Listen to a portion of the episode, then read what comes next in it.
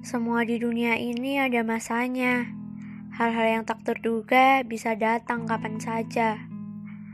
Orang datang dan pergi begitu saja. Suka tidak suka atau mau tidak mau, kita pasti mengalaminya. Tidak ada yang abadi di dunia ini, termasuk kebahagiaan.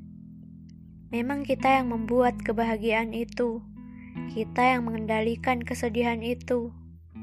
Tapi kita nggak tahu berapa lama hal tersebut akan bertahan. Tuhan punya rencana tersendiri dan tentunya yang terbaik untuk kita. Yang harus kita lakukan adalah menikmati proses-proses yang ada dalam kehidupan ini. Kita boleh mengeluh, boleh lelah, maka istirahatlah sejenak, tapi jangan menyerah Usaha tidak akan mengkhianati hasil. Semesta tahu mana yang terbaik untuk kita. Percaya saja, usaha dan doa akan merubah segalanya. Rehat sejenak untuk kembali menjadi lebih baik lagi.